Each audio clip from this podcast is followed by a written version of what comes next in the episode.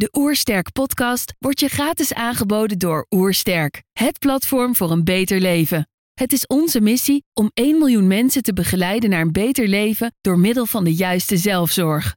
Wil je weten hoe jij kunt werken aan een beter leven? Ga dan naar www.oersterk.nu slash gezondheidscheck voor onze gratis gezondheidscheck en krijg direct jouw uitslag met persoonlijk advies. Mijn naam is Janneke Wittekoek en dit is de Oersterk podcast.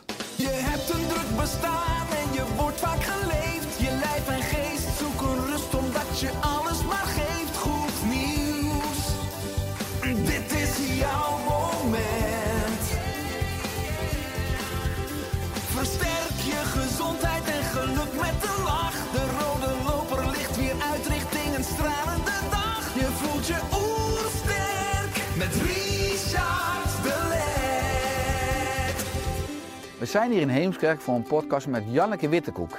Janneke is cardioloog en directeur van Heartlife Klinieken, een expertisecentrum voor hart en gezondheid. Ze is auteur van meerdere boeken. Ook is ze betrokken bij de politieke partij NL Beter. Ik ben benieuwd naar haar tips voor een beter leven. Trouwens, geniet je van deze podcast? Abonneer je dan en laat een reactie of review achter. Zo help je ons om het gezondheidsvirus te verspreiden. Let's start. De Oersterk Podcast. Een ontdekkingstocht naar een beter leven. Janneke, welkom. Ik lees op de website van Hartlijf. Hartlijf behandelt en begeleidt mensen met hartklachten vanuit een focus voor preventie. Bij Hartlijf hebben we speciale aandacht voor het vrouwenhart. En dan staat er, wij willen sterfte bij vrouwen en natuurlijk ook mannen terugdringen als gevolg van onbegrepen hartklachten. Kun je dit toelichten? Ja, uiteraard. Dat is eh, een, een belangrijke missie en passie in mijn eh, professionele leven natuurlijk. Ehm, er, eh, er is een verschil in de presentatie van hartklachten tussen mannen en vrouwen. En dat is niet helemaal nieuw. Hè. Dat is al zeker meer dan tien jaar wordt daar nu aandacht voor gevraagd. Maar dat was tien jaar geleden nog wat meer onbekend. En dat was voor mij ook een, ja, eigenlijk een trigger toen ik in opleiding was tot, tot cardioloog in het AMC. Daar kwamen veel vrouwen binnen op onze eerste harthulpen met eh, klachten van pijn op de borst. eh, ook wel eh, veranderingen in het ECG. Maar nooit werd er echt wat gevonden in de kransslagaders. Hè? Want vaak is een verstopping van een van de kransslagaders is dan natuurlijk het, de, de oorzaak van de klachten. En dan werden die vrouwen iedere keer weer naar huis gestuurd met... nou, er is niks aan de hand en het zal een probleem zijn met je maag of...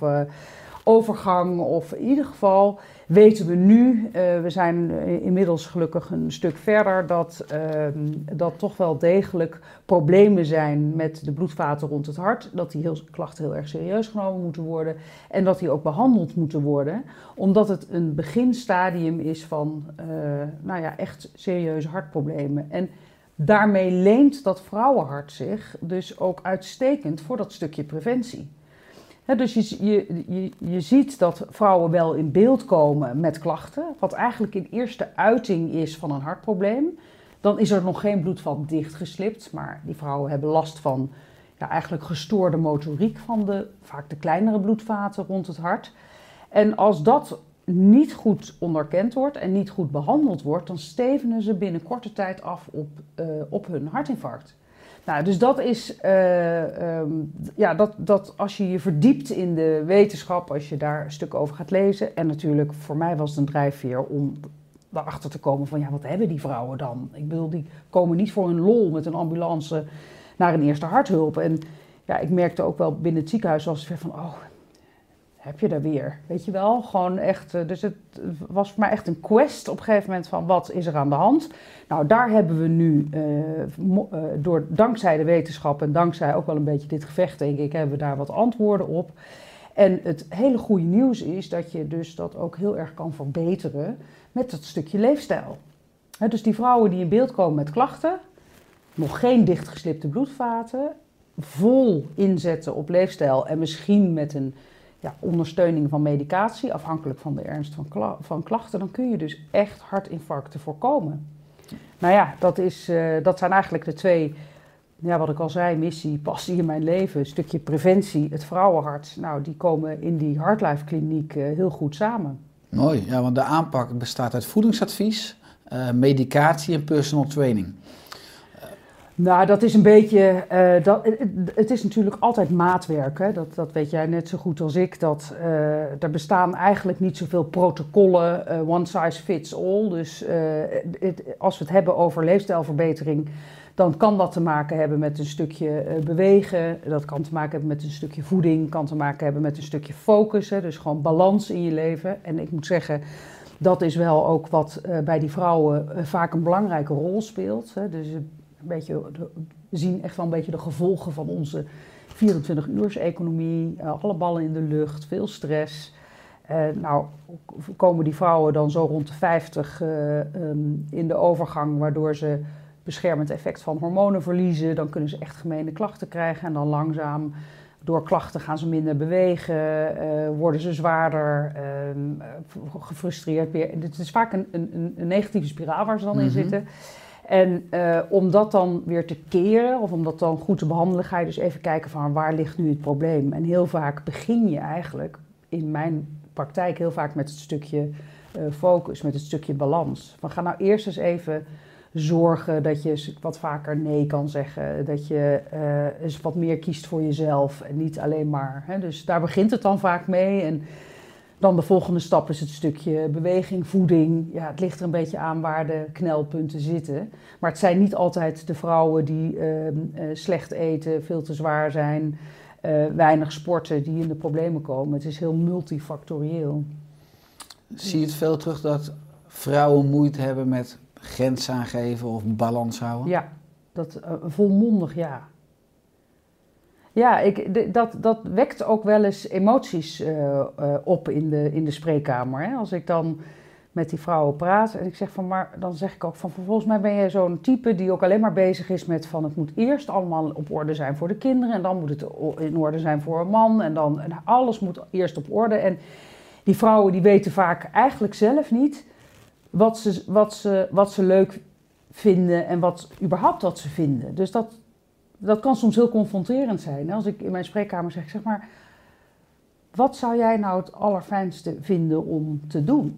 Nou, dan, dan, dan moeten ze soms het, echt even nadenken en soms worden ze daar ook emo- emotioneel van. Ik, zitten, ze- zitten in zo'n eh, ja, rat race, zo'n zo, zo'n sneltrein van allerlei dingen die ze moeten in het leven, al die ballen in de lucht eh, houden. En op een gegeven moment eist dat zijn tol. En dan komen ze dus bij mij in de spreekkamer, dan wel met eh, een dreigend hartinfarct, dan wel met hartkloppingen. En dan eh, begint het eh, eerst maar eens even met een stukje ehm, ja, stressmanagement. Dus is, is een, ik praat veel vaker over stress, de yogamat, de mindfulness, dan dat ik het heb over minder eten en meer bewegen. Want ik denk ook dat dat ook belangrijk is. Hè? Dat je, ik zeg wel eens van je verbrandingsoven werkt ook niet goed als jij super gestrest bent. Dus laten we nou eerst eens even daaraan gaan werken. En als je een beetje die balans vindt, dan gaan we eens even kijken van hoe kan ik mijn beweegpatroon verbeteren en hoe kan ik nou. En op een gegeven moment zie je ook dat die motivatie die komt dan die, dat, het, dat motiveert ook. Mhm. En daar begeleid ik ze in. Ja. Nou, het is natuurlijk mooi als je zegt chronische stress eh, leidt tot klachten. Eh, nou, dan hebben vrouwen mazzel als ze bij jou in de spreekkamer komen. Maar er zijn vandaag ook vrouwen die komen bij de eerste hulp of komen bij de huisarts. Eh, ook met specifieke klachten rondom het vrouwenhart. Eh, maar ik weet vanuit mijn geneeskundeopleiding dat we iedereen hetzelfde behandelen. Hè? Man, vrouw, voor de overgang. na- Gek, toch? Na de overgang, ja. Dus, Is dat dus eigenlijk een enorm gemiste kans? Dat we, nou, in ieder geval dus daar geen persoonsgebonden, maar ook niet een geslachtsgebonden aanpak hebben? Heel gek. Dat is ook, ja, het is echt precies wat je zegt. Het is protocolgeneeskunde. En nou ja, dat is zo'n andere drijfveer van mij geweest om de Hartlife Kliniek überhaupt te gaan eh, starten. Om veel meer naar persoonlijke geneeskunde te gaan. Ehm, het hangt zo veel met elkaar samen. De hele hart-hoofd-connectie, eh, hoe mensen leven. Je, kan het niet degraderen tot, tot één klacht van één orgaan. Laat ik het zo. Het is echt een beetje de orgaangeneeskunde ook. Maar ja, goed, zo zijn we inderdaad. Zo ben ik ook opgeleid. En eh, dat kan je dus ook, ja, dat kan je, kan je ons of de collega's ook niet kwalijk nemen dat je gewoon volgens bepaalde protocollen werkt. En ik denk ook dat het goed is dat ze er zijn als een, als een richtlijn, maar niet als iets waar je eh, waar je, je strikt aan moet houden en waar je niet van eh, mag afwijken. En in, kan je vertellen, in de vrouwencardiologie eh, wijk ik daar heel regelmatig eh, van af. Hè, en het is ook, wat mij ook opvalt, even met die protocolgeneeskunde, is dat als we het bijvoorbeeld hebben over een klacht van pijn op de borst, of we hebben het over hartkloppingen, dan werken we het protocol af en dan concluderen we op de eerste hulp van, nou, ECG is goed. Ehm, ik zie eigenlijk helemaal die vrouw of die man, maar in dit geval is dit vaak die vrouw, die, dat is heel fijn dat wij haar gerust kunnen stellen dat het niet een, eh, op dat moment een serieus hartprobleem lijkt. Maar daarmee is zij nog niet van de klacht af.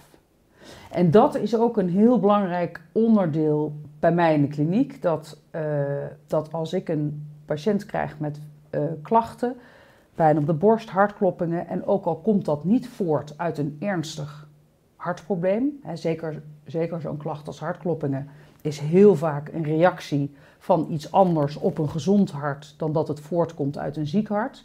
Maar dan vind ik het ook mijn plicht om die mensen beter te maken. Dat, da- daarvoor ben ik ook dokter geworden. Ik wil ze beter maken. Ik wil ze niet iedere keer geruststellen omdat ze volgens het protocol dat het allemaal wel meevalt. Daar, daar help je niemand mee. Ja, mooi, mooie missie, want je bent auteur van meerdere boeken. Onder andere van het laatste boek Hart en Hormonen, Fit de overgang in. Je zegt daarover, als het gaat om hartklachten, zijn onze hormonen jarenlang genegeerd in de wetenschap. De relatie tussen hart en hormonen is inmiddels een stuk duidelijker. En er is ongelooflijk veel winst te boeken op het gebied van hartgezondheid, met name rondom de overgang. Daarom voor alle vrouwen in die levensfase verplicht leesvoer. Ja, En in hoeverre is het de voor taak... mannen ook. Voor mannen ook, kijk, mooi op je veel bredere doelgroep. In hoeverre is het de taak van de overheid of van de geneeskunde om deze informatie ook preventief aan mensen aan te reiken? Nou, ik denk, eh, eh, ja, over overheid of gewoon, eh, ik denk preventie begint met kennis. Hè? Dus, en zeker ook als we het hebben over de overgang. Ehm, weet je, dat het wordt allemaal maar. eh, ik vind eigenlijk dat de overgang te weinig gemedicaliseerd wordt. Klinkt een beetje gek. Ik, wil dat helemaal niet. Ik wil het ook niet overdrijven. Maar er wordt wel heel veel, heel veel klachten en eh, eh, ehm, ja, zeg maar ernst van ziekte heeft absoluut te maken met onze hormoonhuishouding. En zeker als je het even hebt over de overgang, nog zonder dat er een orgaansysteem ziek is, laat ik het zo maar zeggen. Eh, is het natuurlijk bij vrouwen die heel veel last daarvan hebben, is het natuurlijk ja, bijna ja, mensontwaardig om te zeggen, nou ja, weet je, ehm, mevrouwtje, hoor je ook zo vaak, ja, dit is nou eenmaal eh, de levensfase waar je in zit en het hoort er een beetje bij. En dat is natuurlijk, wij zijn wel meer eh, zo Spartaans in Nederland. Als we het hebben over eh, pijnbestrijding bij de tandarts, pijnbestrijding bij bevallingen, eh, de overgang. Het is allemaal, eh, nou, we moeten vooral kiezen op elkaar zetten en, en door. Terwijl we met de voortschrijding van de wetenschap en de ontwikkelingen van middelen die daar echt ondersteunend in kunnen zijn, is het, natuurlijk, is het natuurlijk zo jammer als je die niet gewoon ook inzet. En dat is ook waar ik het net over had. Eh, een vrouw kan verschrikkelijke hartkloppingen krijgen van, eh, van eh, haar hormoonwisselingen. En als zij dan, en je kan kijken of je dat op een natuurlijke manier kan ondersteunen. En misschien is die mevrouw er al helemaal mee geholpen als jij kan uitleggen dat het, een, dat het echt een gevolg is van die hormoonwisselingen. Die gesprekken heb ik ook heel vaak in mijn spreekkamer. Van het is echt onschuldig, maar als je er veel last van hebt, dan kan ik je daar wat voor geven. Net als dat je paracetamol hebt voor hoofdpijn. Eh, dat is ook geen hersentumor of uh, be, maar je hebt wel iets om het leed wat te verzachten. En eh, dat moet je ook bespreekbaar maken. Hè? Dus je kan die vrouw met hartkloppingen, nou, dan kan je daar een heel klein beetje beta-blokker geven, zodat ze gewoon normaal de dag doorkomt, dan wanneer ze iedere keer. nou, dat is maar een voorbeeld. Hetzelfde ook met. In dit boek hebben wij het ook over hormoontherapie. Um, waarbij vrouwen met heftige overgangsklachten ook echt uh, heel erg geholpen kunnen zijn. Het kan zo invaliderend zijn. Gelukkig heeft een groot deel van de vrouwen heeft daar, uh, gaat fluitend die overgang door. Maar er zijn er ook een heleboel die er ernstig door belemmerd worden. En voor die groep uh, denk ik dat het belangrijk is dat, het wat meer uit, dat er wat meer kennis over komt. Dat er wat meer over gesproken wordt. Dat er wat duidelijker wordt dat er ook echt behandelingen voor zijn zodat die vrouwen ook gewoon eh, op een normale manier door kunnen leven. Want vergis je niet, het zijn wel de vrouwen die vaak hoog al in hun carrière zitten, op punten staan waarbij ze door het glazen plafond moeten breken. Hè? Dat is vaak ook. eh, en eh, als dan een heftige overgang je daartoe. dat heeft een enorme impact. Dus je kan het leven zoveel aangenamer maken. En het is, het is zo zonde. Eh, A, dat het voor lange tijd genegeerd is. En B, dat mm, eh, de, de, de middelen die we nu hebben eh, nauwelijks worden ingezet. En ja, Dorenda van Dijken, de gynaecoloog waar ik dit boek mee, mee heb geschreven, die, ja, die beaamt dat natuurlijk ook volledig. En dat is ook de reden waarom we dit hebben geschreven.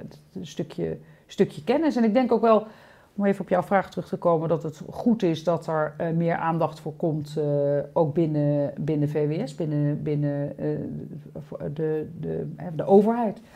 Maar dat gebeurt ook wel.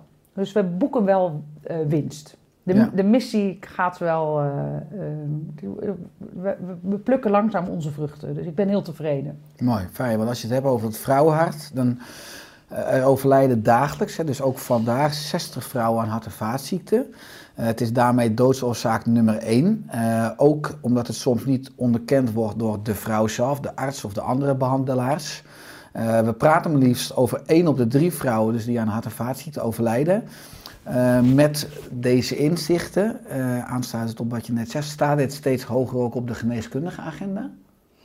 Ehm, nee, het staat niet. Het staat natuurlijk, zeg maar, in Nederland zijn hart- en vaatziekten bij vrouwen doodsoorzaak nummer twee. Kanker staat geloof ik nog op de eerste plek. Wereldwijd is het doodsoorzaak eh, nummer één. Ehm, eigenlijk krijgen hart- en vaatziekten veel te weinig aandacht. En dat is heel gek. Want wij hebben eh, screeningsprogramma's voor borstkanker, we hebben screeningsprogramma's voor darmkanker. En dan hart- en vaatziekten, hè, doodsoorzaak nummer 1 wereldwijd. Ehm 100 jaar wetenschap. We weten heel goed hoe we het moeten behandelen. We hebben hele goede medicijnen om het, eh, om, om het te behandelen. Eh 80% is leefstijl, dus we hebben ook heel veel leefstijlwinst daarin nog te boeken. En er is niemand die, eh, die naar jouw hart kijkt preventief. Dus dat is iets waar ik me natuurlijk eh, in, in de missie, waar ik het iedere keer over heb, eh, Mhm. ook heel erg hard voor. Maar ik vind het heel gek dat wij, zeg maar, tot, onze, tot ons twaalfde levensjaar worden we gemeten en gewogen. Hebben we een consultatiebureau, een schoolarts en dan, nou ben je te zwaar, wijk je van de lijn af. Dan komen er allerlei eh, ehm, eh, interventies of in ieder geval gesprekken en dan ben je twaalf. En dan houdt dat qua hart- en vaatziekten gewoon helemaal op. En dan eh, tegen de tijd dat je in de risicogroep komt, afhankelijk van natuurlijk aan welke risicofactoren je blootgesteld bent, dan zo rond 50, dan eh, komt het eerste hartinfarct. Niet, dan wel niet bij jezelf, dan bij iemand in je omgeving, omdat het zoveel voorkomt. En dan gaan we eigenlijk, eh, komen we in actie. Hè? Dan, dan vindt iedereen het ook normaal dat wij die vijf pillen voorschrijven, terwijl er zo verschrikkelijk veel winst te boeken is als je dat natuurlijk veel eerder doet. Waarom gaan we niet gewoon van mijn part bij een tandartsbezoek of eh, ik ben eigenlijk eh, vanuit mijn politieke wens heel erg voor een soort voortzetting van het consultatiebureau. Dat we om de zoveel tijd, en dat hoef je ook niet ieder jaar te doen, maar gewoon een soort inventarisatie maakt van waar sta ik met mijn gezondheid. En daar horen natuurlijk de risicofactoren voor hart- en vaatziekten, die vaak ook allemaal spiegels zijn voor algehele gezondheid, zouden daar gewoon in gemeten moeten worden. En het is heel goedkoop. Een, een bloeddruk meten kost niks. Gewicht, weegschaal staat vaak in de badkamer. Roken, weet je ook of je dat wel of niet doet. Een cholesterolmeting, een suikermeting, nou dat zijn toch allemaal spiegels van, van je gezondheid. Ja, we gaan, we gaan ons er pas druk over maken als je klachten hebt of als al wat is. Als je nu naar een huisarts gaat en je zegt, ik wil eigenlijk wel eens even weten hoe het nou met mijn hartgezondheid is. Dan zegt hij ook, waarom? Je hebt toch geen klachten? Nee, probeer ik nou juist te voorkomen. Hè, we gaan twee keer per jaar naar de tandarts om een gaatje in ons gebit te voorkomen. Zo'n stukje van het menselijk lichaam maken we ons heel druk over. Perfect georganiseerd hebben we het over ons hart.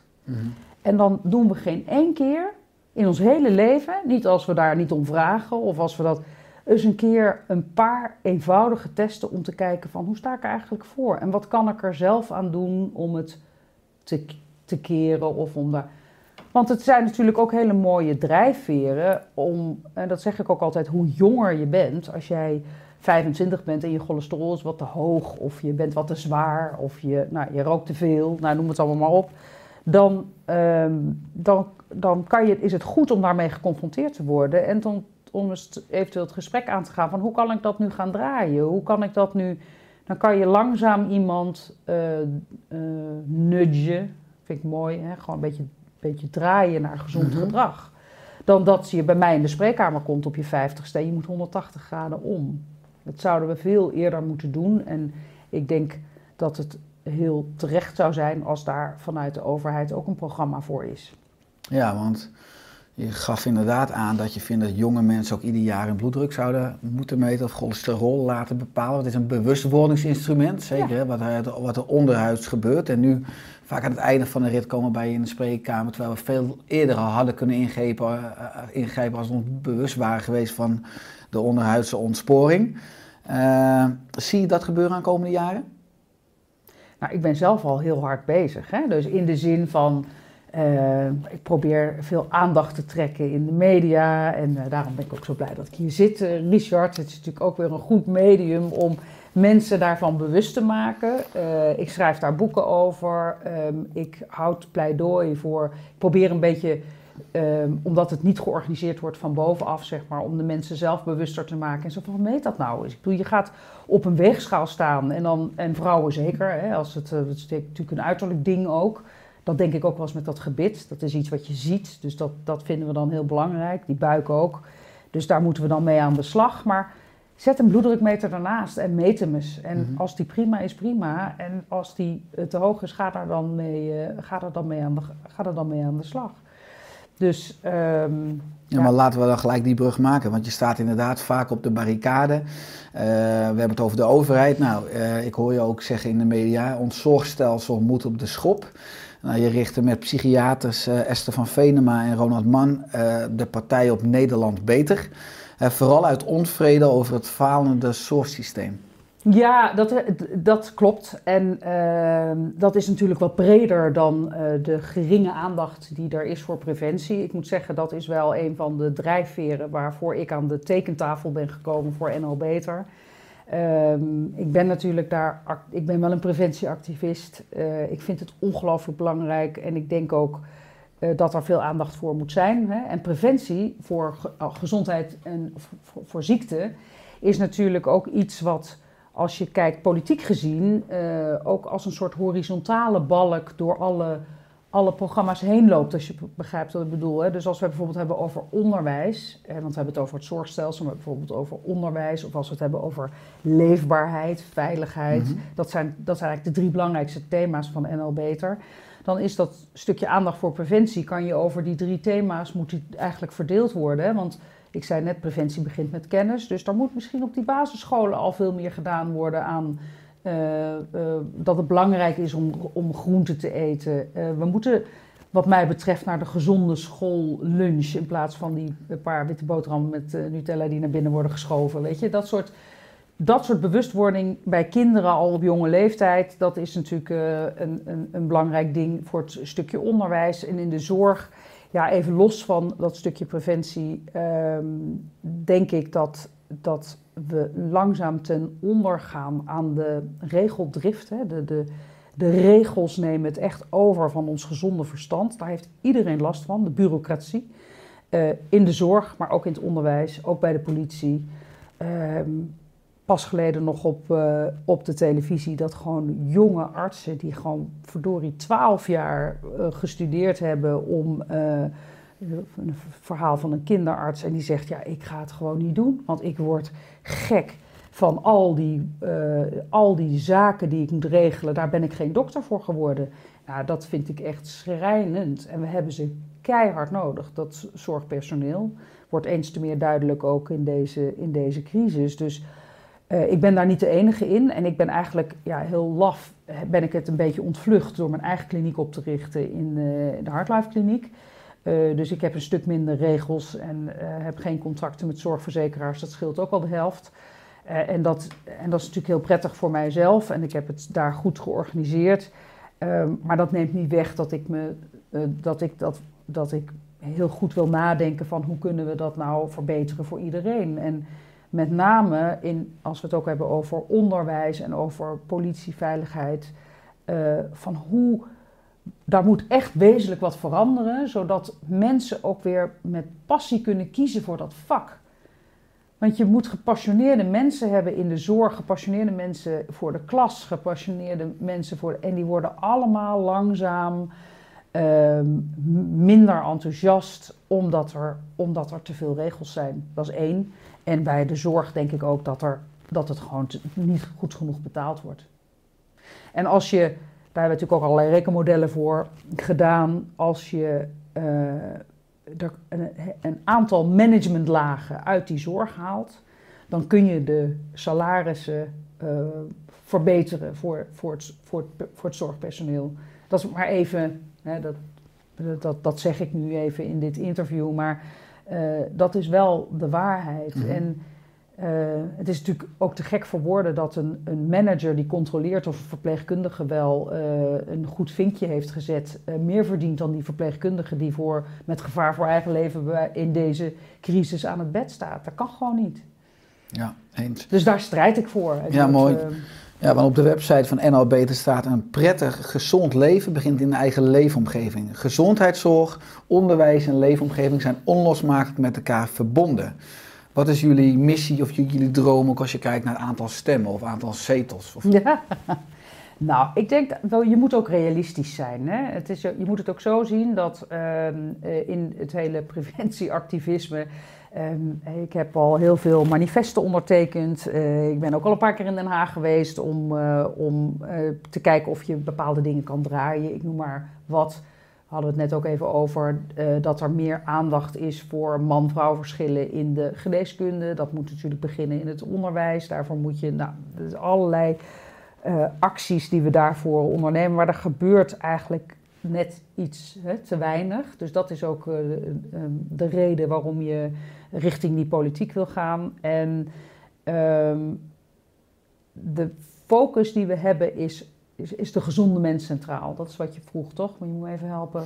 Ja, dus over, zeg maar, mijn, mijn vraag was eigenlijk dat jullie zeggen dat alles met elkaar samen ja. gezondheidszorg, onderwijs en, en leefomgeving. Ja. Toen was mijn vraag, wat hoop je qua aantal stemmen of zetels? Uh, oh ja, tuurlijk. Dat was de ambitie. De, ja. de ambitie. Um, nou, we hebben nu een, uh, een lijst uh, van in wel meer, meer dan tien. Dus hij is bijna ge geformeerd, zal ik maar zeggen. En uh, het zou heel mooi zijn als, ja, als we gewoon al een paar zetels zouden kunnen krijgen. Weet je, ik heb niet de ambitie dat we. Ik zou er graag tien hebben, maar dat is, ik realiseer me ook dat dat, dat, dat niet reëel is. Zouden uh, jullie blij zijn met één zetel? Ik ben er al blij mee. Oké, okay, maar één zetel is al winst. Ja, zeker. Ja. zeker. Dan is het, kijk, want anders blijft het gewoon. En daar, je, je ziet een heleboel beweging in de zorg. Hè. De uh, beweging zinnige zorg, de beweging het roer moet om, de beweging... Nou, aan allerlei... En daar, weet je, daar, daar, wat ik al zei, daar haak ik ook aan. En toen was ik van, ja, maar laten we nou de, de beweging en al beter... Maar, maar ja, met die beweging kan je, heb je, zit je net te ver weg van de wet en regelgeving. Dus hoe mooi is het als we daar als we toch een stapje in dat parlement kunnen mm. krijgen, waardoor je net iets meer invloed kan uitoefenen. En als dat één is, dan zijn we al, dan ben ik ook al heel blij. En het zou helemaal leuk zijn als het er drie zijn, want dan zit ik er zelf in. ik sta zelf op de derde ja. plek.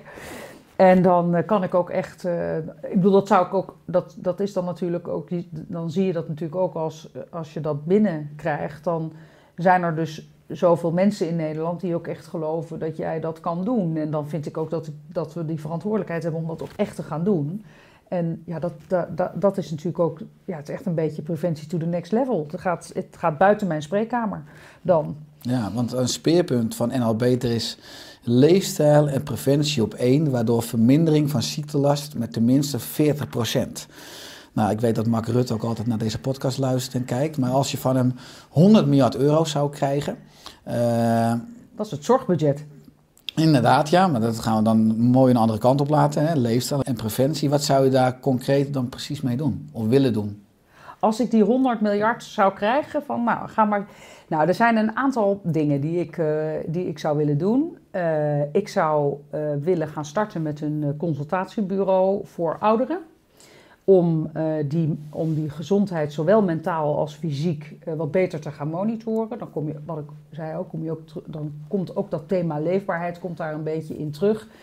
Dat je eigenlijk, ehm, zoals wij nu dan die schoolartsen hebben, maar laat dat dan een, een, eh, misschien wel vanuit de GGD. Je moet kijken hoe je dat gaat organiseren. Dat je gesprekken hebt met mensen en misschien wel met dat je. Dat je eh, en dat moet eigenlijk nog voor de eerste lijn zitten, nog voor de huisarts. Het moet eigenlijk de nulde lijn zijn. Waarbij er gewoon eens even wordt gekeken van hoe gaat het met deze persoon? Waar zitten de. Is deze, eh, veel, gaat veel naar de dokter, heeft veel last van allerlei klachten. Maar komt dat omdat, omdat, hij, omdat hij zo ongezond leeft? Of is dat omdat hij eh, zoveel stress heeft en gescheiden is, eh, verslaafd is? Of nou, noem het allemaal maar op. Dus ik denk dat dat heel belangrijk is als we daar een, eh, in dat hele sociale, eh, publieke domein een soort structuur kunnen organiseren om eh, gezondheid van men- mensen te monitoren en om ze dus ook gezond te houden. En ervoor te zorgen dat ze niet naar die eerste lijn gaan. Je kan ook nog, je kan ook nog kijken of de huisartsen, die natuurlijk een hele belangrijke rol hebben binnen de community, binnen de gemeenschappen, of die daar misschien ook een rol in moeten spelen. Dat, dat zou ook heel goed kunnen. Alleen zit je dan al echt in de, in de eerste lijn. Komen we in die eerste lijn, dan eh, zijn wij eh, voorstander van het eh, model van positieve gezondheid. Dus dat je, ehm, dat je veel meer tijd hebt voor het eerste consult. Het is natuurlijk te gek voor woorden dat als je nu naar de huisarts gaat en je komt met klacht A, maar je hebt eigenlijk ook nog een klacht B, dat je dan te horen krijgt, ja, eh, dan moet je echt even opnieuw terugkomen hoor. Want ik zeg je, op een presenteerblaadje klacht A en B horen waarschijnlijk bij elkaar en hebben eenzelfde gemene deler. Weet je, dus dat is. Ik las laatst ook in een, eh, in een, in een eh, tijdschrift van ja, het is wel belangrijk dat de huisarts op de hoogte is wat voor werk de patiënt doet. En het is toch wel belangrijk dat de huisarts op de. Denk ik dat dat, dat nieuws is. Hè? Dat, maar het geeft alleen maar aan dat ook de huisarts, en waarschijnlijk heeft dat ook te maken met het terugdringen van kosten, dat hij niet meer de gelegenheid krijgt om die mens als geheel te zien. Hè? Dus ik ben echt wel voor die holistische aanpak. En dan heb je het ook over leefstijl. Want ik hoorde je Ja, laatst ook in een krantartikel zeggen... het is ongelooflijk dat de dokter niet vraagt wat je eet... maar je wel naar huis doet met pillen. Ja, tuurlijk. Dus dat is allemaal. Hè, dat, en eh, in de ideale wereld, hè, met die 100 miljard, heb je, zit je in die nulde lijn, heb je al voor een heel groot. Eh, kan je al dingen doen aan educatie om ervoor te zorgen dat iemand niet ziek wordt. Maar komt hij dan toch met klachten bij die huisarts, moet er veel tijd zijn om eens even helemaal in kaart te brengen eh, van wat is er nou precies aan de hand. En natuurlijk, als we weten dat een groot deel van de chronische ziekte eh, te maken heeft met leefstijl, dan moet dat dus dan, dan en dat, hè, dan is dat natuurlijk in die praktijk, daar waar die patiënt komt met klachten, moet daar ook natuurlijk aandacht voor zijn. Als iemand eczeem heeft, ja, dan kan je een, een, een of die het zit te krabben, of er zijn, of hartkloppingen heeft, of allemaal uitingen van stress, of gewoon niet in balans. zijn. Natuurlijk kun je allemaal zalfjes geven en pilletjes geven. Maar hoe fijn is het als je als huisarts meer tijd hebt om eens even te kijken van, maar wat, hoe, zit, hoe, hoe, sta je er eigenlijk? En dan krijg je op een gegeven moment wel ehm, dat boven water, wat vaak de onderliggende oorzaak is van de klacht. En daar is ook een experiment mee gedaan, hè, met dat hele model van positieve gezondheid. Heeft in, in Afferden, eh, refereer ik ook vaak aan, is een mooi project geweest. eh, waarbij de huisarts veel meer tijd krijgt voor de patiënt in zijn eerste eh, consultatie. En dat leidt meteen tot een, een, een minder verwijzingen naar de tweede lijn van 25 procent. Ja. En dan wordt zo'n project wordt vroegtijdig afgebroken, omdat de ziekenhuizen eigenlijk dan te weinig verwijzingen krijgen. Nou, dan komt het perverse prikkel naar boven dat wij dus gewoon verdienen aan ziekte. En niet op gezondheid, ja. En niet op gezondheid. ja. En gezondheid is dus, en ik denk, we moeten echt een goed zorgstelsel hebben voor de mensen. Er zijn natuurlijk heel veel genetische aandoeningen, heel, mensen die echt gewoon. eh, en daar moet gewoon hele goede zorg voor zijn. En er moet een hele goede basiszorg moeten zijn. Maar eh, er moet natuurlijk in, het, in dat hele sociale publieke domein veel meer aandacht uitgaan van hoe houd ik samenlevingen gezond. En niet laat het allemaal maar gaan en als het ziek is, dan gaan we eens even kijken hoe we er lekker aan kunnen verdienen. ja, als het bad overstroomt, gaan we dweilen met z'n allen... maar niemand vraagt zich af, waar zit de kraan? En dan kunnen- En eh, je ziet het nu ook in die coronacrisis. Het wordt gewoon pijnlijk zichtbaar, gewoon van eh, wat, wat, wat we verliezen Doordat we niet veel eerder eh, bezig zijn geweest met hoe we mensen gezonder kunnen maken. Hoe mensen dat ze niet te veel overgewicht hebben. Dat ze hun weerstand verbeteren. Het is ook allemaal. Je, je, moet mensen nu eigenlijk een soort van versneld gaan opvoeden. Bij wijze van opvoeden klinkt een beetje paternalistisch. Dat is absoluut niet de bedoeling. Maar ehm, eh, ik bedoel, als ik in mijn spreekkamer de boodschap zeg dat, dat ze voor een groot deel, hè, het lichaam is enorm maakbaar, dat ze het heel erg zelf in de hand hebben met, en met leefstijl al een heel groot deel kunnen keren, dan zijn mensen heel erg verbaasd. En ik moet je zeggen dat ik lees ook iedere keer weer stukken over eh, de kracht van leefstijl, de kracht van voeding, de kracht van beweging, de kracht van koude therapie, nou noem het de kracht van mindfulness, yoga, noem het allemaal, het allemaal zo langzamerhand wetenschappelijk eh, bewezen. En eh, ook ik eh, ben regelmatig nog onder de indruk van de resultaten van die onderzoeken die je dan leest.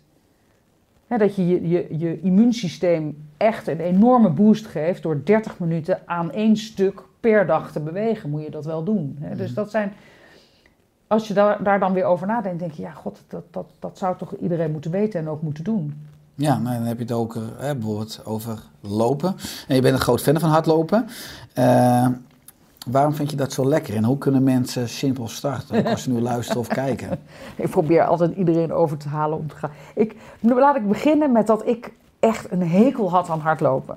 Ja, dus ik was een hockeyer vroeger, dus ik was van meer van de intervallen. En als wij twee rondjes om het veld moesten inlopen, dan had ik al zoiets van... Nou, het eerste rondje had ik al geen zin meer.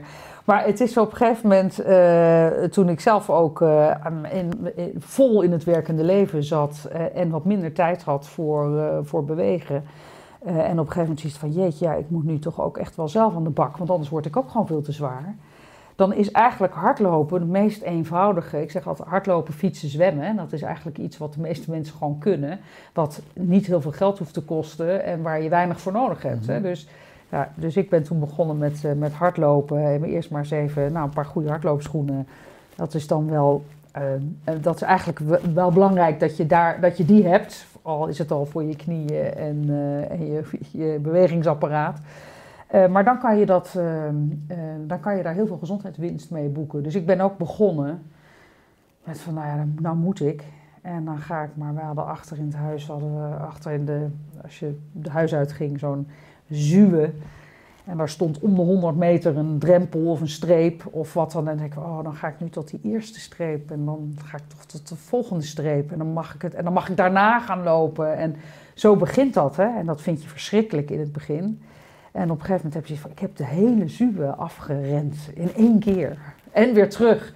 Nou ja, en twee jaar later loop je de marathon van New York. Dus het is echt verslavend. Het is, eh, eh, en het is, het is makkelijk en het is goed voor je, voor je gezondheid.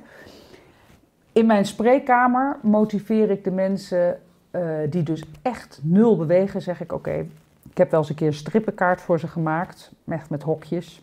Ik had nog geen stempeltje, maar maakte, zette ik er een krul neer. En dan zei ik van, het enige wat je hoeft te doen is nu eh, op woensdagavond of op één da- dag in de week na het acht uur journaal of gewoon je straat uitlopen en weer terug. Straat uitlopen en weer terug. Nou, en dan doe je dat twee keer per week. En dus heel, echt nudgen, heel langzaam. Ik zeg maar, je moet het wel doen. Dus je begint met hele kleine, lage doelen die bijna altijd wel te doen zijn. En dan ga je het langzaam opvoeren, opvoeren. En zo, zo heb ik toch wel aardig wat mensen letterlijk in beweging gekregen. Eh, maar als je gaat zeggen van, eh, ja, je moet nu, eh, weet je, hele strakke, zware trainingsschema's, ja, dan ga je mensen verliezen. Dus je moet ze zelf langzaam laten voelen wat het voor ze doet. En, en dat, kijk, ik heb in mijn spreekkamer wel het, vaak de medische noodzaak mee. Hè? Dat, mensen moeten wel omdat ze klachten hebben. En dan zeg ik van, ga dat nou doen, je gaat je echt beter voelen. En ja, er is niks zo mooi om iemand na drie maanden weer terug te zien. En eh, dan komt mijn verpleegkundige bij me en dan zegt ze, nou het gaat zo goed met die mevrouw. En dan, zeg ik, nou, en dan vraag ik, wat hebben we gedaan? Het is niks. Gewoon alleen maar leefstijl. Nou, dan hebben ze gewoon en komen ze terug van ik wist niet dat ik me zo goed kan voelen. Maar het is natuurlijk, dat kost, het kost tijd om iemand te motiveren om dat te doen. Het voorschrijven van een pil doe je veel makkelijker en sneller. En eh, in, hè, het is ook een stukje cultuur. Gelukkig willen we in Nederland niet zoveel pillen. In Frankrijk ben je slechte dokter als je geen pillen voorschrijft. Er moeten minstens vijf op het recept staan. Dus het is ook, eh, hier staan de mensen ook daar wat meer open voor. En, ehm, eh, maar het kost tijd. En, maar het mooiste vind ik, en dat is ook iets waarom ik ook dat ziekenhuis uit ben gegaan, omdat je dat dan bij mensen weer terugziet dat ze zeggen van nou, ik heb me nog nooit, ik heb mijn tijden niet zo goed gevoeld. Ook al hebben ze bijvoorbeeld een stent in dat, hart, dan heb ik ze wel echt beter gemaakt. Snap je wat ik bedoel? Ja. Nog zonder, en dat, ja, daarvoor ben je uiteindelijk toch dokter geworden. Absoluut. En wat ook als je het hebt over hardlopen, wat een aanrader is, is op de website van Hardlife vind je ook een heel mooi opbouwschema als je Ja. wil gaan bewegen. Ik denk in alle boeken die ik geschreven heb eh, zit wel een eh, hardloopschema. Mijn volgende boek eh, gaat helemaal daarover trouwens. Daar ben ik nu heel druk mee bezig. En daar, gaan we, daar ga ik dat nog, nogmaals uitleggen. Komt dit jaar uit? Komt dit jaar uit, ja. Mooi. Ja. Want je hebt een ander boek, Healthy Hart, hè, dat je samen met Prins van den Berg maakte. Daarin schrijf je, je hart is het meest vitale orgaan in je lichaam. Waarom? Ik ben wel wat bevooroordeeld ja, natuurlijk. dat snap ik, maar Ja, ja. het is de center, hè? het is echt het midden van je, van je lichaam. Het is de motor. Ja, ik bedoel, als je geen brein hebt, dan werkt het ook niet hoor. Dus ik zei nog wel, en als je je lever niet hebt, dan werkt het ook niet. Dus, maar het hart is natuurlijk gewoon, eh, ja, je hart is je motor. En eh, daar, ik zeg ook altijd van, zonder, zonder hart geen leven. Het hart is, eh, het is een heel mooi bewegend orgaan. Ik heb er ook echt voor gekozen, omdat je je dan kan focussen op dat ene orgaan, wat wel in verbinding staat met zo'n beetje alles. Hè. Veel, doe veel met de hart-hoofdconnectie. De hart staat erg in verbinding met eh, wat er allemaal in het brein eh, gebeurt. En, ehm, Kun je daar een voorbeeld van geven? Nou, ehm, stress bijvoorbeeld. Emoties. We kennen het, het, eh, het gebroken hart. Dat is een, echt een medische conditie waarbij er een, dus een ernstig hartfaalsyndroom als gevolg van extreme emoties. Dat zien we wel eens bij, nou ja, bij mensen die inderdaad een dierbare verliezen of eh, een, een relatie die stuk gaat. Als dat heel erg veel verdriet geeft of emoties, eh, dan, eh, dan zie je dat hart verlammen. Nou, ik denk een beter voorbeeld eh, is er niet. Kun je dat dan lijmen als cardioloog? als je ge- een Ja. gebroken hart, als mensen bij je komen? Het is het, ik zeg altijd, het, eh, het, het, het, hè, het slechte nieuws is, het kan inderdaad eh, figuurlijk breken.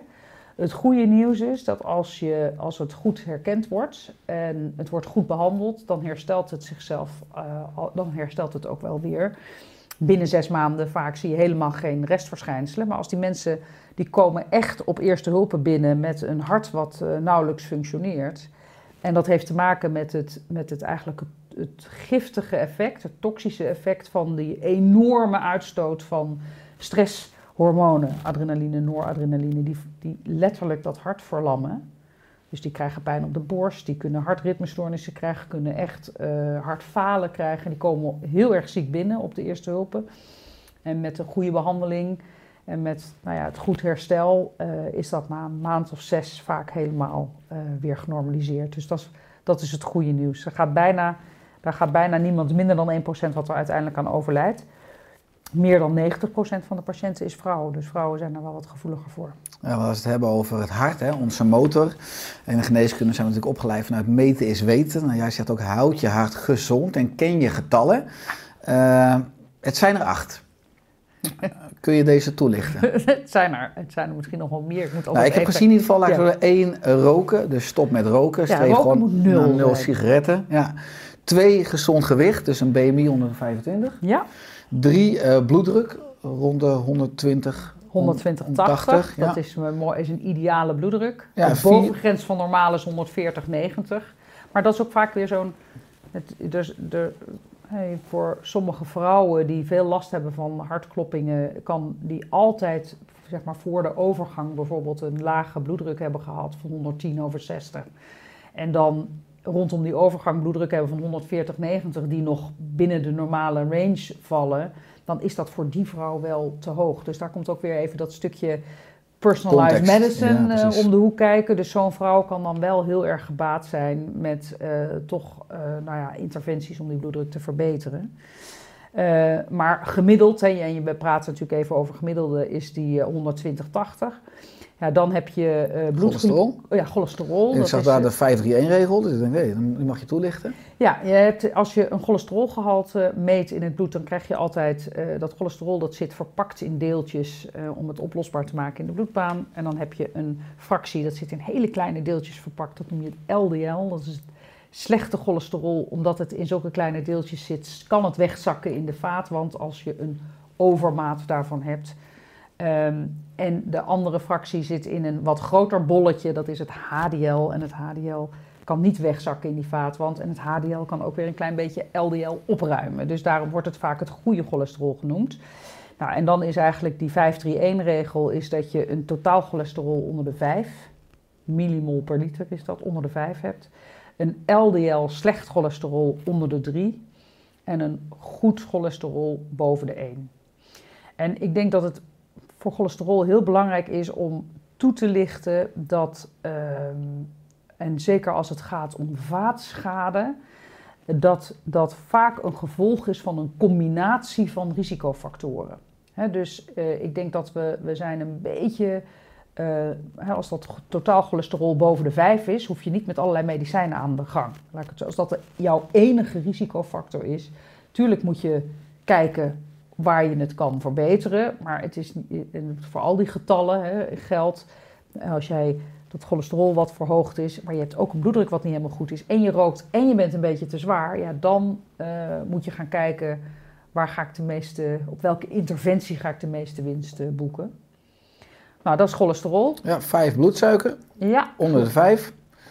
Eh 6 beweging, dagelijks 30 minuten. Aan één stuk, hè? Aan één stuk, ja zeker. Ik was laatst bij eh, professor Erik Scherder. Ja. Dus die is ook een groot voorstander van ja, eh, zeker. 30 minuten minimaal per dag. Ik Eh, heb het ook van hem. Heel goed. Zo, zo pikken we allemaal van maar- elkaar het leven. Hè. Nummer 7 is ontspanning. Er staat 8 uur slaap. Ja, En de laatste 8 staat voeding. 250 gram groente plus 2 stuks fruit per dag. En dat zijn inderdaad dan 8 getallen. Maar je zegt er zijn er misschien nog meer. Ja, ik zit even te kijken. Ik heb nu wel die focus, die, die slaap hebben we gehad. Ja, ehm, dat zijn wel echte getallen hè, waar we het dan over hebben. Dit is, dat is overigens die, ehm, eh, als, als je kijkt naar de definitie van gezondheid, naar de World Health Organization, dan zijn dat de zeven pijlers. Ik geloof dat de slaap zit daar, die, die slaap zit daar niet bij, de Mhm. rest zijn de zeven pijlers van de WHO. En als je dus aan al die zeven criteria voldoet, dan eh, krijg je het label gezond. Mhm. Ehm, maar er zijn natuurlijk nog een heleboel andere invloeden die we niet goed kunnen meten. Hè. Eh, wat, wat, ik heb het bijvoorbeeld over stress. Stress is natuurlijk een hele belangrijke risicofactor die zich vaak ook wel weer vertaalt in een bloeddruk die wat hoger is. En dat zie je ook, of een, misschien een gewicht wat niet helemaal op orde is. Is het ook een belangrijke En- relatie. En qua hartslagvariabiliteit. Ja, dat zit niet in die getallen. Hartslagvariabiliteit geeft zeker een. eh, die zit niet in de definitie van de WHO, maar heart rate variability, de HRV, is eh, zeker een manier die veel gebruikt wordt, ook in het bedrijfsleven, om, eh, om te kijken, eh, ja, om een stressniveau aan te geven. Ja, ik denk dat dat wel. eh, ik bedoel, ook dat is voor een groot deel zit daar wetenschap onder dat je dat echt wel kan eh, verbeteren en, eh, en daarmee aan de slag kan gaan. Dus ik denk dat dat ook allemaal zinvol is. Weet je, mensen hebben toch vaak een, een, eh, ja, een soort meter nodig. Of een, en in mijn spreekkamer, als we het echt hebben over bloedvaten die dicht gaan zitten, heb ik even de wat grovere getallen. Maar als je nog heel erg in, die, in die, dat voorstadium zit, waarin je zoiets hebt van ik voel me toch wat gestrest, ik slaap slecht, dat soort dingen dan kan zo'n stukje hartslagvariabiliteit misschien heel goed helpen in, ehm, om, om, daar, om dat te verbeteren. Mhm. Met ademhalingstechnieken of met dat stukje mindfulness. Dus dat, eh, ik, kan dat, ik ben daar echt groot voorstander van. Ja.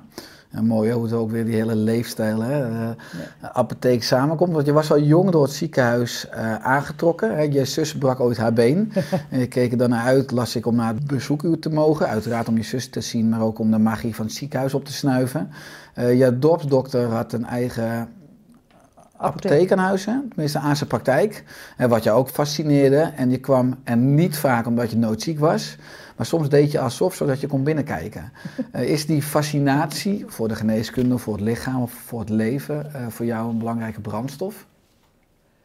Ja, ik denk het wel. Ik heb daar mijn, eh, mijn, mijn vak van gemaakt. Ik vind het gezonde, het gezonde lichaam, of het menselijk lichaam, fascineert mij enorm. Eh, dat waren natuurlijk de eerste prikkels als kind. Hè? Dus dat je, dat, dat je zo'n ziekenhuis heel interessant vond, imponeerde mij. Eh, later ben ik natuurlijk eh, eh, door ben, ik heb eerst een studie gezondheidswetenschappen gedaan, waarbij je heel erg gaat kijken naar hoe gezonde syste- systemen werken. Dus echt ook op microniveau. Dus enorm gefascineerd door de werking van ons DNA, onze erfelijk, onze genen, de genetica, eh, de biochemie. Eh, dat, dat, dat vind ik ongelooflijk interessant.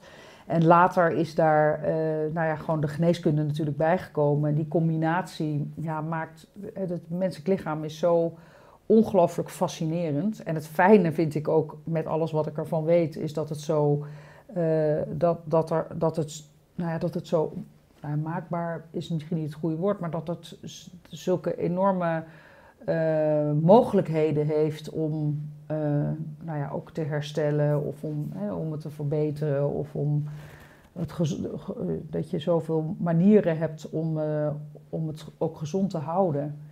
En dat weten we misschien net iets te weinig. Of we weten ook te weinig dat als we schadelijke dingen doen, hoe dat. Weet je, ik heb een, bijvoorbeeld een onderzoek gedaan naar eh, de invloed van, eh, van nicotine op, eh, op het, op het DNA in je longen. Ja, als je dat onder de microscoop ziet, gewoon die schade, dan. dan hè, Was dat in Kingston?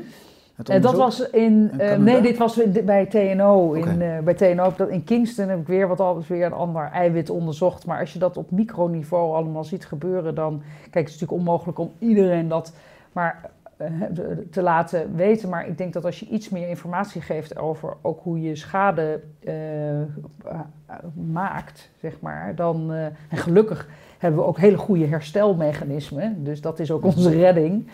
Als de herstelmechanismen het gaan eh, verliezen van de schade, ja, dan gaan we verouderen.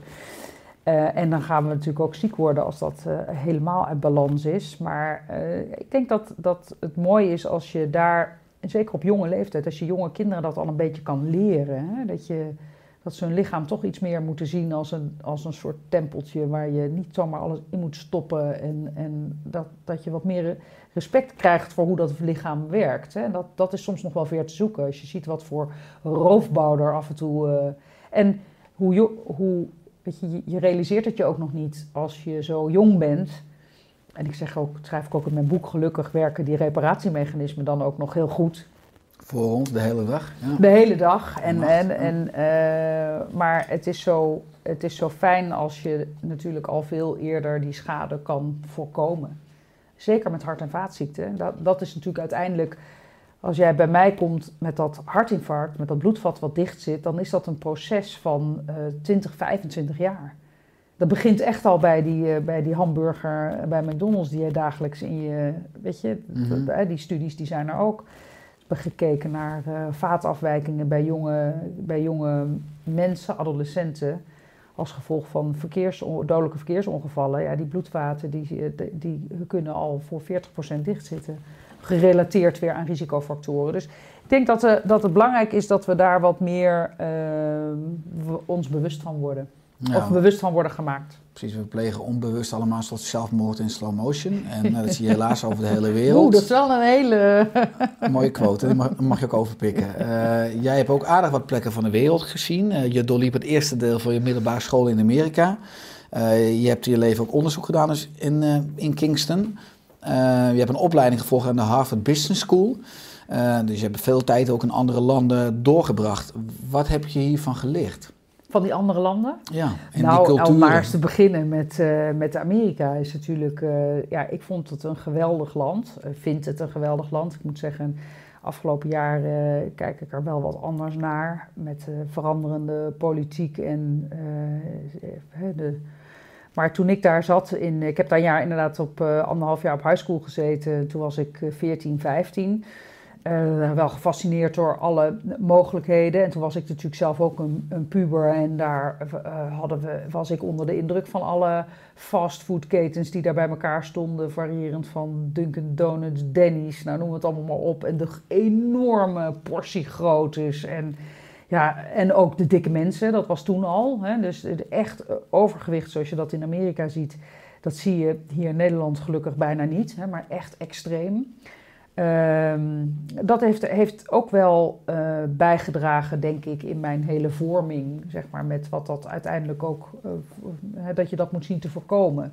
En dat het ook echt een gevolg is van, van, eh, van, van portiegrootte, aanbod in de supermarkten. Ik bedoel, in Amerika begon dat bijvoorbeeld met met al die ontbijtgranen, boordevol met suiker. Ja, die kinderen die eten allemaal, weet je. Dus dat eh, wordt, als we het hebben over geraffineerde suikers, als we het hebben over portiegrootte, over vet, over...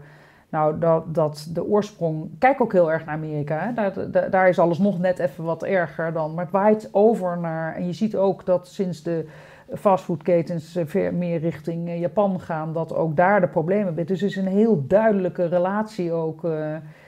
nou, dus dat neem ik er wel van mee. Ook dat wij hier heel erg moeten nadenken, kom ik weer op NL Beter, eh, waar, we, eh, wa- waar de fastfoodketens gepositioneerd worden. Want in Amerika staan ze vaak rondom scholen en jeugddingen en noem het allemaal op. Ja, dan word je dus als het ware verslaafd gemaakt. Ehm, wat heb ik nog meer? Een st- stukje ethiek als het ware dan ook. Ja. Ja. nou ja, ethiek, ja. Noem je dat ethiek?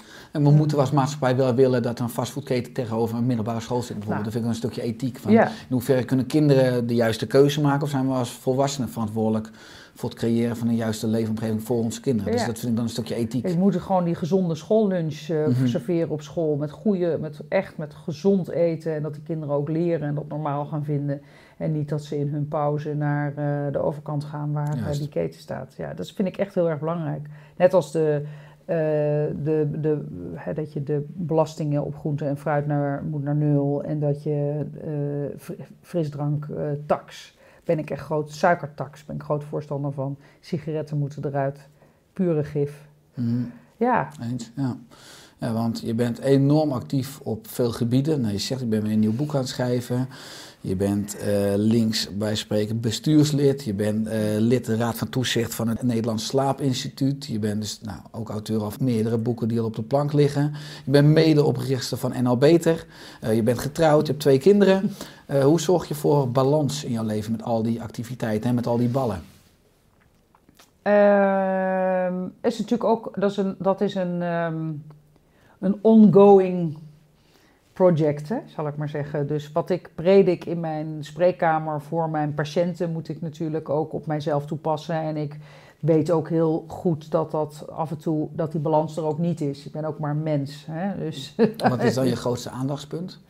eh, ontspanning, denk ik wel. Ehm, dat is één. Maar twee is ook echt de tijd maken voor je beweging en eh, voeding. Vind ik ook lastig. Hè? Soms ook, voor mij is het soms ook makkelijker om even snel een eh, boterham naar binnen te schuiven tussen afspraak A en B dan eh, dat ik een hele gezonde salade voor mezelf maak, terwijl ik weet dat het beter is. Dus daar, daar zitten, dat zijn valkuilen.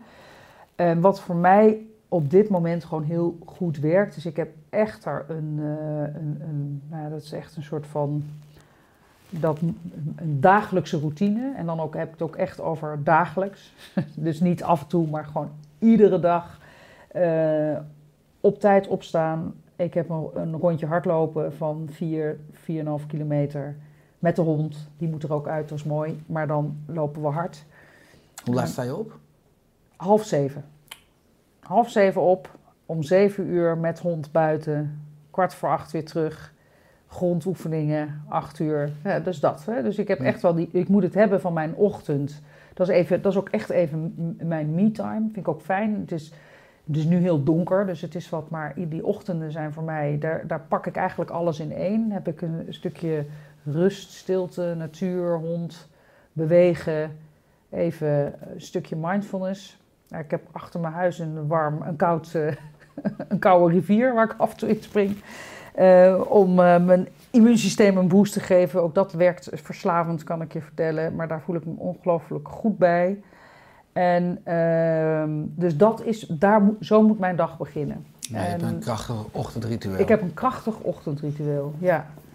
En ehm, ik probeer dan soms ook nog, zeker in de, in de avonden natuurlijk ook nog even... in principe hoef ik dan die hond niet meer uit te laten... want er is iemand anders in het gezin aan de beurt. Maar soms loop ik dan toch ook nog een stuk... eh, maar dus dat is dat, toch dat stukje bewegen en... eh, ja, bewegen is het misschien wel. eh, gewoon dat ochtendritueel is wel...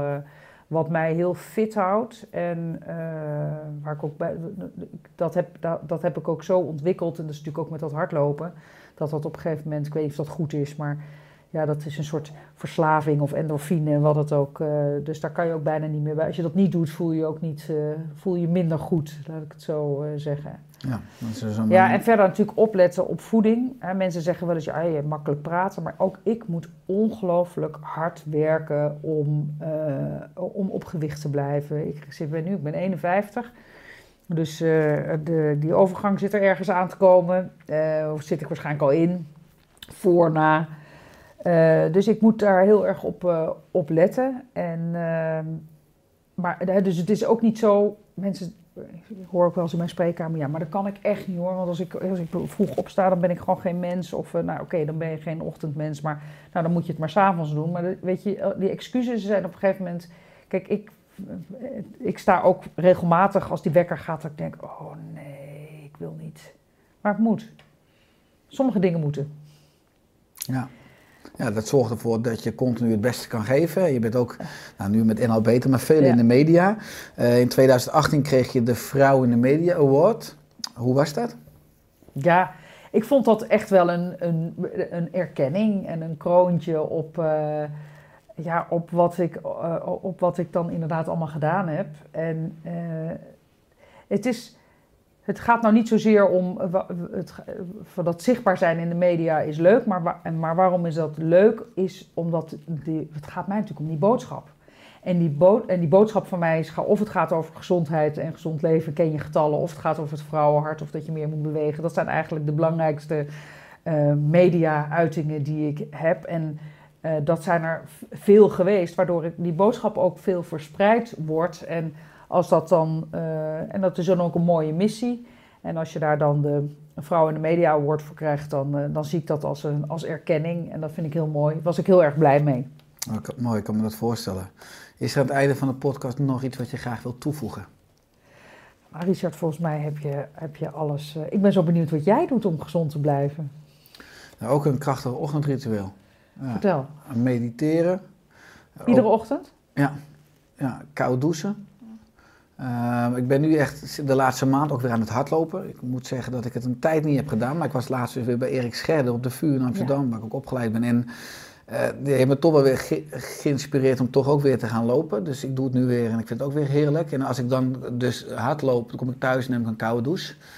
Ehm, nou, en we hebben twee zoons. James is twee en eh, Noah is tien. Nou, die maken we s'morgens natuurlijk ook wakker. En ja, dan ben je ook automatisch met James over de grond aan het kruipen, aan het spelen, aan het voetballen.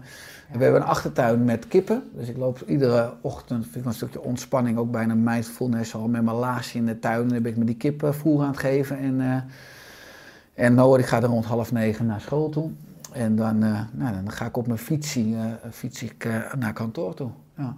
Ja, dus het is wel, dat is misschien ook wel mooi, gewoon voor de mensen inderdaad die luisteren, dat, dat of het nou een ochtendritueel is of in ieder geval ergens op de dag. Hè, dat is ook gewoon dat je gewoon ehm, nou, minimaal een half uur, maar het liefst eigenlijk een uur, gewoon even bewust bezig bent met je eigen gezondheid. Dat is wel het minste wat je jezelf eigenlijk schuldig zou moeten zijn. Absoluut. Het mooie is dat je het s'morgens wat doet, dat je ook veel meer focus en energie hebt voor je Ja. dag. Ook veel meer helderheid voor de essentie. Ja. En je minder snel laat eh, afleiden door het leven. Ja. Waar kunnen mensen meer vinden over eh hardlijf, over je boeken, over je activiteiten? Ja, zij kunnen eh, op, op de website, dus eh www.hardlife.nl, daar staan, eh, daar staan allerlei tips en tricks. Daar staan ook al mijn eh, magazines. Ik heb een aantal tijdschriften, geef ik om de zoveel tijd uit, met heel veel ook interviews en ook heel veel gezonde tips. Kunnen ons abonneren op de nieuws, ze kunnen zich abonneren op de nieuwsbrief. Dan krijg je iedere twee weken ook allerlei tips en interviews. Dus daar is heel veel informatie eh, te vinden op de website van, eh van Hardlife. En verder natuurlijk mijn eigen social media, Dr. Janneke op Twitter, eh, Instagram en Facebook. Leuk Janneke, dank voor je komst in de Oosterk podcast. En laten we in ieder geval zorgen dat mensen veel beter voor hun hart gaan zorgen. Ook veel meer hun hart gaan volgen. En dat we Nederland zo letterlijk met z'n allen beter maken. Gaan we doen, Richard. Ik vond het heel erg leuk. Dankjewel voor de uitnodiging. Met liefde en alle goed. Dankjewel.